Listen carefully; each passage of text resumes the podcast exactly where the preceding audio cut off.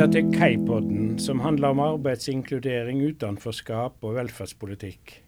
Bakgrunnen er at knapt 20% av de under 67 år er uten arbeid. Det politiske målet er å få flere av disse som er utenfor, i arbeid, men òg å hindre at de som er innenfor skal ramle ut. I Kaipodden drøfter vi disse målene, men også hva som er tjenlige tiltak og de dilemmaer og utfordringer som aktiveringspolitikken reiser.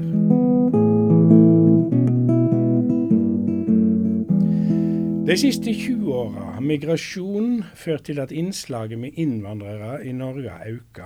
Og med det har òg sammensetning av de som søker Nav om stønader og tjenester blitt endra. Dette stiller profesjonsutøverne overfor språklige utfordringer, og vi spør hva skjer i profesjonelle møter der de involverte mangler et felles språk? Med meg i studio er Hilde Fiva Busungu, sosialantropolog og mer enn 20 års erfaring som tolk fra ulike typer offentlige tjenester. Velkommen, Hilde. Tusen takk. For kort tid siden forsvarte du en doktorgrad der du finner at de Nav-tilsatte systematisk overvurderer språkkompetansen til brukerne, og undervurderer hvor språklig komplekse samtalene er. Hva er konsekvenser får dette? Ja, Den uh, tydeligste konsekvensen det får, er at en masse samtaler og møter blir gjennomført på norsk, med folk som ikke forstår hva som blir sagt i de møtene, og som ikke får muligheten til å stille spørsmål eller svare um, på en skikkelig måte. Mm.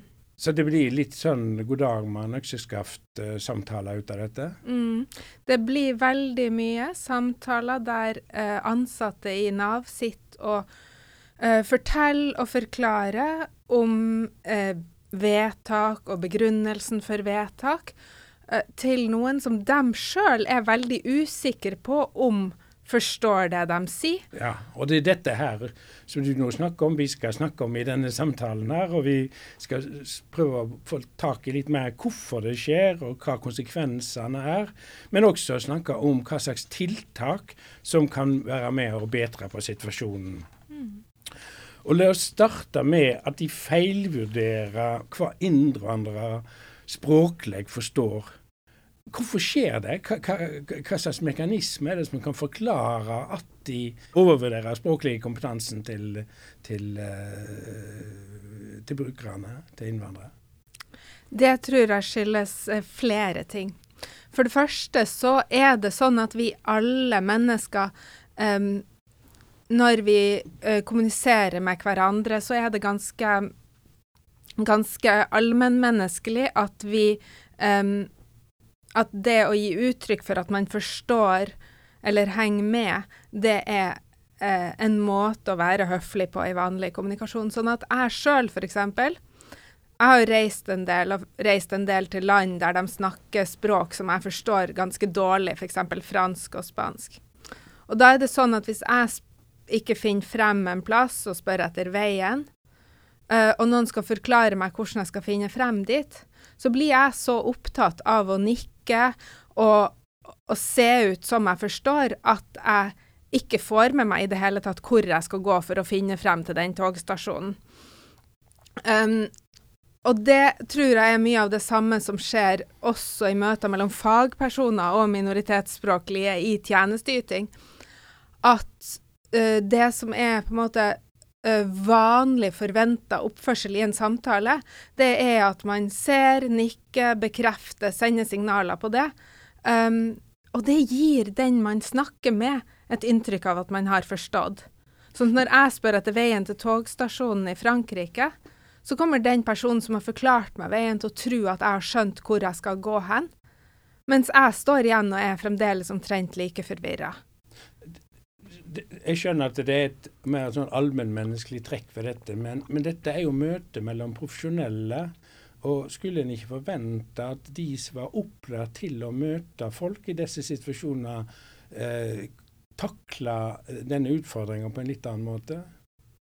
Jo, og jeg skulle jo ønske at eh, på en måte at alle fagpersoner hadde tydelig med seg fra sin utdanning og sånn, en slags kompetanse i hvordan kan jeg sikre at den jeg snakker med, skjønner det jeg forklarer. Men forskning på helt vanlige samtaler også, mellom folk som snakker norsk og er på Nav eller hos legen, eh, viser jo også at folk ofte forstår mindre enn det fagpersonen sier. Og når vi putter inn språkbarriere i det regnestykket, så eh, blir konsekvensene enda, enda større, fordi det, så, det kan være veldig eh, lite som blir igjen av forståelsen da. Men så sier du òg at, at, at, de samtalene som de har, er det handler ikke bare om å finne veien til toget, men det er ganske komplekse samtaler. Og de sier at de feilvurderer at hvor komplekse disse samtalene. Hvordan kan det ha seg? Ja, det var en av de tingene som overraska meg faktisk mest når jeg eh, intervjua ansatte i Nav. Det var at jeg spurte eh, Når jeg prøvde å snakke med dem om, eh, om de, hvordan de tenkte Hva de trengte når det gjaldt å få det her til å funke med språk, da var det veldig mange som sa Du vet, eh, i retten, der har de eh, der har de eh, kvalifiserte tolker, og ofte tolk fordi at de har veldig, veldig vanskelige eh, ting de snakker om. Men vi her på Nav, vi snakker om vanlige ting med vanlige folk. Ei som sa eh, det er nesten sånn at vi kan snakke om det med hendene. Um, og så tenkte jeg, og jeg observerte jo 26 møter og eh, ingen av de møtene tenker jeg handla om ting som man kunne snakke om med hendene. I hvert fall hvis man ikke var på innsida av Nav fra før. Mm. Uh, men jeg tror når du jobber veldig mye med stønadsordninger eller forvaltning av et regelverk, så blir det på en måte lettere og lettere og mer og mer noe som du tenker på som lett. Mens de enkeltmenneskene som kommer i kontakt med et system, opplever det jo som fremmed og vanskelig på en helt annen måte. Men hvordan kompenserer, altså hvordan uh, takler de det? For Det må jo bety at uh, det er en del informasjon som NAV, de Nav-ansatte skulle ha, som de ikke får. ikke sant? Så, så hvordan takler de den Det handler jo òg om kartleggingen av den situasjonen som, disse, som de møter, er i. Så, så, så hvordan kompenserer de for denne manglende informasjonen? Ja, det jeg så at veldig ofte skjedde, det var at de prøvde å spørre om ting i møtene. F.eks. Um, var med på flere møter med en familie der de ansatte uh, lurte på om det ville være bedre for dem å få en annen bolig. Og de spurte flere ganger om det her med om det kunne vært bedre å ha en annen bolig som var nærmere til barnehagen. Og um, fikk aldri Eh, et svar som de klarte å forstå på det spørsmålet. Eh, de spurte sånn eh, Syns dere det hadde vært bedre å bo nærmere barnehagen? Og mammaen svarte det hadde blitt lengre fra byen. Um, som var helt sant, det hadde blitt lengre fra byen. Men det kom ikke et svar på alle oppfølgingsspørsmålene som handla om hva vil du helst? Uh, og det som skjedde da, det var at etter at møtet var ferdig, så tok de to Nav-ansatte og snakka med hverandre om hva de trodde at hun mente, og hva, de, uh, hva hun før hadde sagt om hvor strevsomt det var å bo langt fra barnehagen. Og hva de sjøl hadde villa hvis de var i hennes situasjon, om de ville likt å bo langt fra byen og nært barnehagen, eller å bo der de bodde. De snakka om hvor mange rom de sjøl ville synes det var fint å ha i boligen sin. Og liksom prioritering av eh, plass opp mot eh, nabolag. Og så tok de en avgjørelse basert på det, og flytta familien til en annen bolig.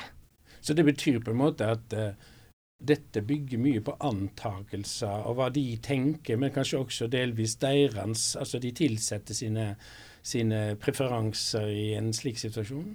Ja, jeg opplever det som at de prøver sitt aller, aller beste for å kompensere for at de ikke klarer å få den her eh, spørsmål- og svar-greia til å fungere. Sånn at de tenker sjøl, diskuterer med kollegaer, prøver å finne ut um, i, siden de ikke forstår hverandre språklig. Ja. Du, I avhandlinga di snakker du mye om sosialarbeidere. Men nå er jo ikke alle som arbeider i Nav sosialarbeidere eller formell sosialarbeiderutdanning. Er det noen forskjell på et, hva, hva slags utdanningsbakgrunn de har i disse utfordringene som vi snakker om? Altså mm, Jeg opplever det som at det er helt gjennomgående blant fagpersoner og tjenesteytere i norsk offentlig sektor at de syns det er vanskelig å vurdere om man har felles språk i så stor grad at dette kommer til å ordne seg med å ta denne praten på norsk, eller ikke. Når det er sagt, så er det jo klart at noen av de utdanningene som folk som jobber i Nav har, f.eks. sosionom eller barnevernspedagog, har jo mye sånn, eh, innslag av kommunikasjonstrening generelt inn i utdanninga si. Så det jeg vil tenke er jo at de som jobber i Nav med en annen fagbakgrunn, f.eks. statsvitere og sosiologer, vil streve enda mer enn sosialarbeidere med eh, de her spørsmålene.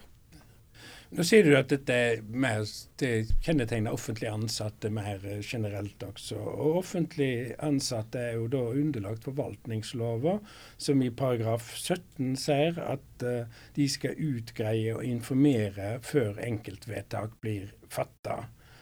Uh, er det slik at det du nå forteller, betyr at de Nav-tilsatte ikke oppfyller ei lovpålagt plikt? Ja, det er min klare vurdering fra de samtalene og møtene jeg så på, at der ble ikke informasjons- og veiledningsplikten oppfylt. Og det tenker jeg fordi at um, det holder ikke å informere og veilede noen på norsk hvis de rent faktisk ikke forstår nok norsk til å skjønne den informasjonen og veiledninga de får. Fordi informasjons- og veiledningsplikt er ikke noe som eksisterer uh, i fagpersonen sitt hode isolert sett. Det er noe som skal oppstå i et slags mellomrom mellom eh, tjenesteyter og bruker. Og at bruker er fysisk til stede, eh, er ikke tilstrekkelig hvis informasjonen blir gitt på et språk som de ikke forstår. Så det en, på den ene sida er dette her en svikt på en lovpålagt plikt, men du sier òg det medvirker til å opprettholde en kommunikativ, undertrykkende praksis. Hva legger du i det? Jo, med det mener jeg all den de her andre måtene som de prøver å finne løsninger på problemene, i stedet for å, å, å, å informere og veilede og innhente brukeren sitt synspunkt eller preferanse eller ønske, uh, så kompenserer man sant, med å snakke med hverandre eller tenke på sjøl hva man ville likt. Og så fatter de vedtak og tar avgjørelser, i stedet for at det blir eh, f.eks. Eh, lagt bort eller løfta til ledelsen. Jeg kan ikke veilede denne personen fordi um, han forstår ikke hva jeg sier på norsk. Eller jeg fikk ikke informert om dette vedtaket fordi han, han skjønte ikke norsk, og jeg kunne ikke amharisk, så det ble ikke noe, så sier man eh, nå har jeg gjort det. Nå har jeg informert, nå har jeg veileda, nå har jeg spurt. Jeg har spurt han hva han ville, men han sa ikke noe. Um, og på den måten så blir det ikke løfta på systemnivå at man må ha en løsning. Men det, nå har jo Nav som en av sine store flaggsaker at de skal skape bedre brukermøter. Men, men, i hva grad det du snakker om her, hva slags rolle har brukermedvirkning i dette? Altså, det framstår jo som at uh, brukeren har en veldig liten innflytelse på, på den, det møtet den har med Nav. Ja, det er kjempe, kjempevanskelig å medvirke i møter som foregår på et språk du ikke kan. Og mange tror kanskje at eh, når noe skjer på et språk vi ikke kan, så spør vi hele tida 'hæ, det forsto jeg ikke', 'hæ, kan du si det en gang til', 'kan du si det med enklere ord'? Men det jeg så, det var helt det motsatte. I de møtene som var på norsk, med folk som kunne veldig lite norsk, så kom det nesten ingen spørsmål. Og i hvert fall nesten ingen spørsmål om kan du gjenta, kan du si det på en annen måte. Mens i møter der eh, både der brukerne eh, snakka kjempebra norsk og hadde snakka norsk hele livet, så spurte de mye oftere. Hva sa du, hva betyr det? Eh, jeg forsto ikke. Sånn at det er liksom motsatt av det vi tror på det der. Og ei en forutsetning for å kunne medvirke er jo å faktisk kunne uh, uttrykke seg. Så det blir en sånn form for at man sitter der du nevnte i stad at, eh, at, eh, når en står i profesjonelle møter der en ikke behersker et felles språk, så kan tolk være, være tjenlig. Mm. Uh, men det kan virke ut fra, slik som du skriver i avhandlingen din, at Nav-tilsatte er skeptiske eller tilbakeholdne med å involvere tolk i disse samtalene. Så gitt den situasjonen du nå har beskrevet, hvorfor vil de ikke da ha tolk med i samtalen?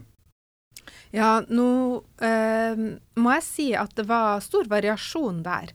Noen ansatte i Nav hadde veldig gode erfaringer med å ha tolking i samtaler, brukte tolk ofte og, eh, og var opptatt av det som ei løsning på språkproblemer, mens andre eh, var motvillig, had, var skeptisk, og, um, og det var gjerne knytta til to forskjellige ting. Det ene var at mange hadde veldig dårlig erfaring med tolker med veldig dårlige språklige og tolkefaglige kvalifikasjoner. Sånn at, sånn de hadde opplevelser med tolka samtaler som eh, helt på ordentlig var veldig dårlig, og som gjorde at de tenkte det her er ikke en god løsning på et språkproblem. Den andre på en måte årsaken til at tolk ble brukt mindre enn ellers, var at mange hadde en idé om at hvis vi har tolk, så blir de jo aldri å lære norsk. En slags idé om at brukermøtet i Nav er en slags arena for å innse at man burde lære seg norsk. Men, men, du skriver jo at brukerne hadde lyst, eller i større grad lyst til å involvere tolk i disse samtalene? Ja, de minoritetsspråklige jeg snakka med, dem var helt samstemt i det. Um, en som jeg snakka med, sa f.eks. Um, uh, Nav vil jo gjerne at vi skal være selvstendige og stå på egne bein og kunne norsk, så de har veldig lite tolk. Men jeg syns at når det er så viktig som det her, og man vil forstå og man vil forklare, så burde man ha tolk. Sånn at for dem så var på en måte det der mangelen på informasjonsutveksling i det her som de opplevde som veldig viktige møter, så uh, presserende at de syntes at tolking var den mest hensiktsmessige løsninga, all den tid de ikke kunne norsk. Du skriver jo også at disse tolkene som blir involvert, ofte mangler formelle kvalifikasjoner. Så eh, hvis jeg forstår rett, så det kommer jo litt an på hvor man prosentuerer her, men du snakker om at det, det er kanskje bare 25% som har formelle kvalifikasjoner. Hva, hva, slags problem er det? Ja, Det er jo et kjempestort problem, og har jo vært et problem i veldig mange år i store deler av norsk offentlig forvaltning. og øh, annet Nav og barnevernet har jo det, det har vært et problem lenge. og det øh, Nav hadde jo, når jeg gjennomførte øh, mine observasjoner og sånn, veldig tydelige retningslinjer på at det alltid skulle være utdanna tolker. Tolkeutdanning fra Nå finnes det på flere universiteter i Norge, tolkeutdanning. Men allikevel så var det altså bare i en fjerdedel av samtalene at det var noen med noen form for utdanning som, som uh, kom som tolk. Mm. Men er det, er det, tilgangen på tolker? Er det mangel på tolker som, som, har, som, skaper problemer? Eller er det noen organisatoriske utfordringer i Nav knytta til dette her? Det er, um, det er sånn at uh, på de aller fleste språk nå så er det mange godt kvalifiserte tolker i norsk offentlig sektor. Det har vært tolkeutdanning i mange år på mange språk. Uh, alle de språkene med stort behov for tolking, der finnes det mange godt kvalifiserte tolker. Så det er de organisatoriske løsningene i Nav som ikke har vært uh, tilstrekkelig til at uh, de ansatte kunne få tak i de kvalifiserte tolkene når det trengtes tolk. Mm. Men, men, er det slik at er det, er det noe skille mellom offentlig og privat i organiseringen av tolketjenester også, eller? Det er sånn at noen av de kommunene som jeg var i, der hadde de kommunale løsninger for, for uh, tolketjenester. Og der uh, gikk det litt bedre å få tak i kvalifisert tolk når de hadde offentlige løsninger i egen regi. Mens de Nav-kontorene som benytta private tolkeformidlingsbyråer til å skaffe tolk, um, der var det nede på på noen enkeltkontorer så var det eh, sånn f.eks. at ingen av samtalene hadde blitt tolka av en kvalifisert tolk. Han Nav noen særegne problemer, eller er dette like stort problem i barnevern og i, i helsetjeneste og andre deler av offentlig tjeneste?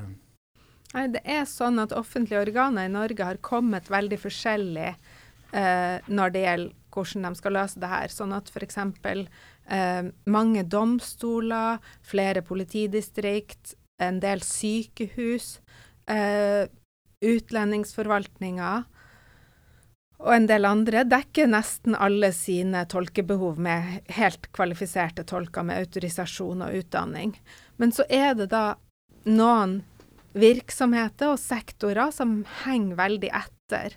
Og her er det dessverre sånn at både Nav og barnevernet ligger veldig langt etter um, i å finne gode løsninger på det. Hvorfor det? Altså ja, i Nav så oppfatter jeg at det handler uh, om flere ting, men bl.a. om denne delinga mellom statlig og kommunal del av Nav, som gjør at, uh, at det har vært vanskelig å finne ei helhetlig løsning. På tolkefeltet, så, med spørsmål knytta til tolking i offentlig sektor, så er det noen veldig store stordriftsfordeler. Uh, og hvis Nav hadde klart å lage ei løsning som dekte både statlig og kommunal del av Nav ved alle Nav-kontorene i Norge, så er det klart at man uh, ville ha muligheten til å skape noen, noen, løsninger som var mye bedre enn hvis hvert enkelt Nav-kontor, sånn som det har vært til nå, må finne sin egen løsning på det, og ikke bare én løsning, men to løsninger, nemlig én for den statlige og én for den kommunale delen. For da blir det så fragmentert at det faglige og organisatoriske eh, må fordeles på veldig veldig mange ulike personer som skal prøve å finne løsninger på det, i stedet for at man kunne hatt det ordna for etaten på et overordna nivå. Fra 1.1 så får vi ei tolkelov i Norge. og Formålet med den lova er å sikre rettstrygghet og faglige tjenester til de som sliter med å kommunisere med offentlige organ uten tolk. Hva skal til for at disse fromme, flotte målene skal realiseres? Betyr dette at uh, Nav, Nå blir saken løst i Nav og barnevernet også, når vi har fått denne lova? Jeg tenker jo at den loven er en slags startstrek mer enn en målstrek. Jeg tenker at loven eh, har høye ambisjoner. Um, ambisjonene i loven er at tolk bestandig skal benyttes når det offentlige mangler felles språk med innbyggeren. Og felles språk mangler vi ikke bare med, med innvandrere, sånn som vi har snakka om nå, men det gjelder også døve og hørselshemma, det gjelder urfolk og nasjonale minoriteter, og så gjelder det de som vi har snakka om til nå, altså folk som snakker nyere minoritetsspråk. Um, men loven er ikke en organisering av offentlige virksomheter i seg sjøl. Loven eh, legger noen terskler og stiller noen krav et av kravene i loven er at alle offentlige organer skal ha retningslinjer. Og at retningslinjene skal være på en sånn måte at man sørger for to ting, nemlig at det blir tilkalt tolk når det trengs, og for det andre at den tolken som tilkalles, skal være kvalifisert. Så nå eh, det her er et ambisjonsnivå for Nav og alle andre offentlige organer, ikke eh, ei løsning. Men har det ikke vært retningslinjer i Nav tidligere også på dette området? Jo, det har det vært. Nav har hatt veldig fine retningslinjer eh, om, at alle, om at tolk alltid skal benyttes ved behov, og at tolkene alltid skal være kvalifisert. Mm. Så det hjelper ikke bare med retningslinjer, ut fra det du sier? Nei, det er akkurat det. Det trengs altså noe i mellomrommet mellom liksom de helt øverste retningslinjene på toppen i virksomheten, og det som skjer nede i den ekte arbeidshverdagen til hver enkelt ansatt.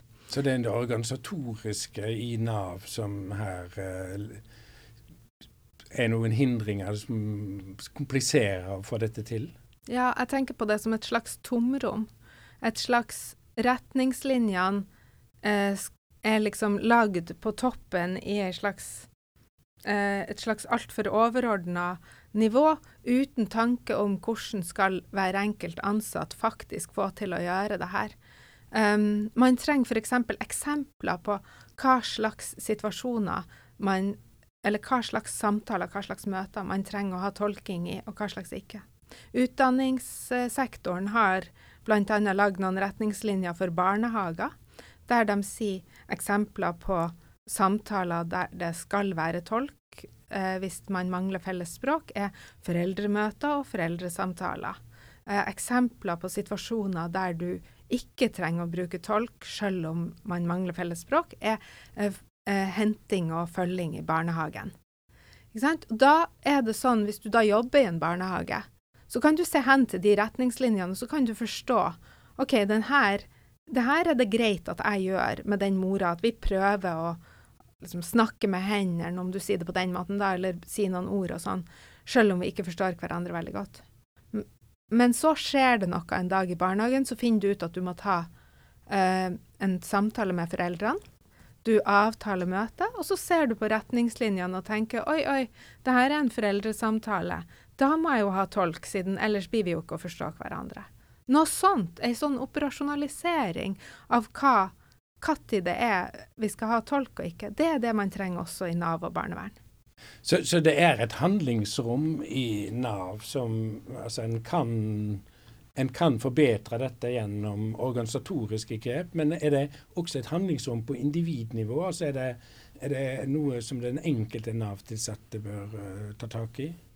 Ja, jeg tenker at det er også viktig å gå i seg sjøl og tenke um, uh, Og se på, på um, uh, sitt eget reflektere rundt hvor krevende det er for folk å gjøre ting på språk de ikke kan. Og der tenker jeg egentlig at vi uh, som utdanningsinstitusjoner òg har et veldig viktig ansvar, all den tid vi utdanner en masse folk som skal jobbe i offentlig tjenesteyting. Uh, vi må få tydeligere inn i alle profesjonsutdanninger, i hvert fall. Hva de må få tydeligere inn? Hva ja, hvor det med, det med eh, hvordan man skal gjennomføre samtaler når man i liten grad har felles språk. For det er gjerne ikke sånn at folk ikke kan et eneste ord på norsk eller engelsk f.eks., eller hva det måtte være. Men det er gjerne nesten alt det dreier seg om gråsoner og grensetilfeller. Hvor mye norsk er godt nok. Mm. Og det tenker jeg at jeg syns det er eh, litt for seint hvis det bare kommer når man blir ansatt i en offentlig virksomhet. Syns det skulle komme tidligere i utdanningene, det å jobbe med den type ting. Det gjør de jo i lærerutdanningene, å jobbe med språkkompetansevurdering. Det er jo egentlig det vi ber de Nav-ansatte gjøre. Gjør en språkkompetansevurdering av denne brukeren. Forstår han norsk godt nok til at du oppfyller informasjons- og veiledningsplikta di hvis du gjør denne samtalen på norsk? Uh, men hva slags opplæring har de til å gjennomføre språkkompetansevurderinger?